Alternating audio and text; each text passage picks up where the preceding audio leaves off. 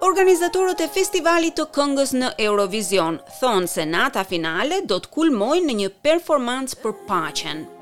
Festivali fillon javën që vjen dhe Shqipëria hap natën e parë me këngën Sekret nga Ronela Hajati.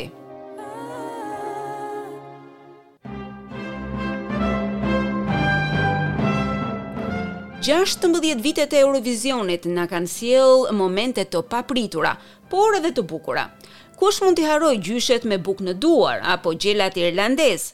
Megjithatë, ky vit ka marrë një ton më serioz falë pushtimit të Ukrainës. Pasi thanë fillimisht se Rusia mund të konkuronte në konkursin e këtij viti, sepse Eurovizioni është apolitik, organizatorët morën vendimin e kundërt dhe thanë se Rusia nuk merr më pjesë në këtë edicion të festivalit. Claudio Fasulo, producent ekzekutiv i konkursit, thotë se paqja do të jetë tema kryesore e edicionit të këtij viti. Come sapete, Eh, l'Eurovision Song Contest è una manifestazione di intrattenimento. Siç e dini tashmë, Eurovisioni është një ngjarje jopolitike. Ai ka për qëllim argëtimin, bashkon kombet, feston larminë muzikore. Natyrisht, paqja do të jetë tema kryesore e të treja mbrëmjeve. Në këto linja, Mund t'ju jap një lajm shumë të vogël.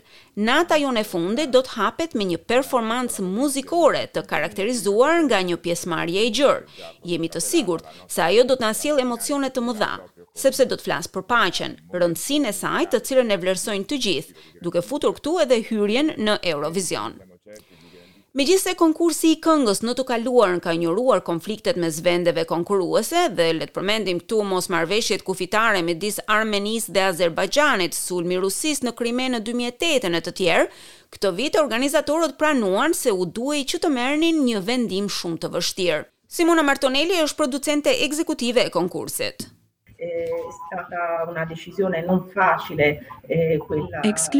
Përjashtimi i Rusisë nga konkursi nuk ishte një vendim i lehtë për t'u marrë. Ai u mor nga grupi i referencës së Eurovisionit dhe më pas edhe nga bordi ekzekutiv i tij. Ne do të përpiqemi të theksojmë vlerat se pse ekziston kjo garë e bukur, e cila natyrisht është paqe dhe jo luftë. Dhe konkursi nuk do të përballet vetëm me krizat politike në Europë. Zonja Martorelli thotë se pandemia e Covid nëntëmbëdhjetë është akoma pjesë e sfidave të organizatorëve.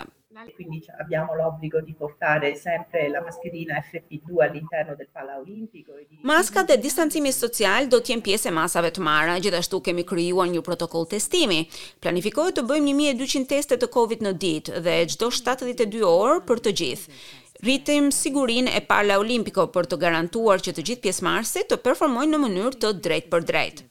Sipas organizatorëve, në vitin dy mijë e njëzet e një, Eurovizioni u ndoq nga njëqind e tetëdhjetë e tre milionë persona në të gjithë botën. Një pretendent i fortë do të jetë hyrja e Ukrainës nga orkestra Kalush. Kënga e tyre Stefania është miratuar nga Ukraina si një himn patriotik gjatë krizës aktuale. Ajo është përdorë si kolonë zanore për më shumë se njëqind e pesëdhjetë mijë video të mediave sociale në TikTok.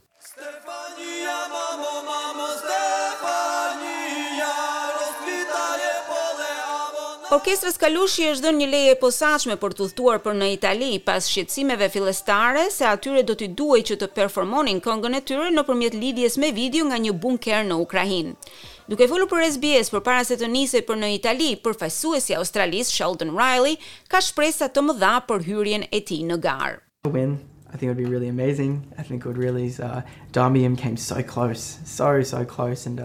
Dua të fitoj. Mendoj se do të ishte diçka e mrekullueshme. Mendoj se do të ishte me të vërtetë e bukur.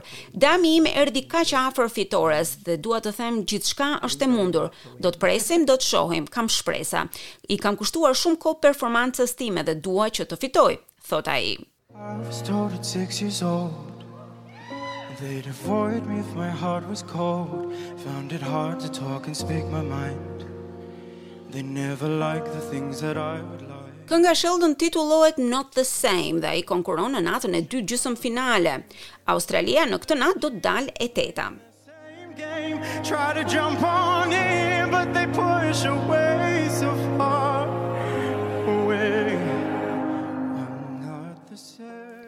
Kurse Shqipëria e hap të gjithë festivalin, kënga Sekret e Ronela Hajatit është e para në natën e parë gjysëmfinale.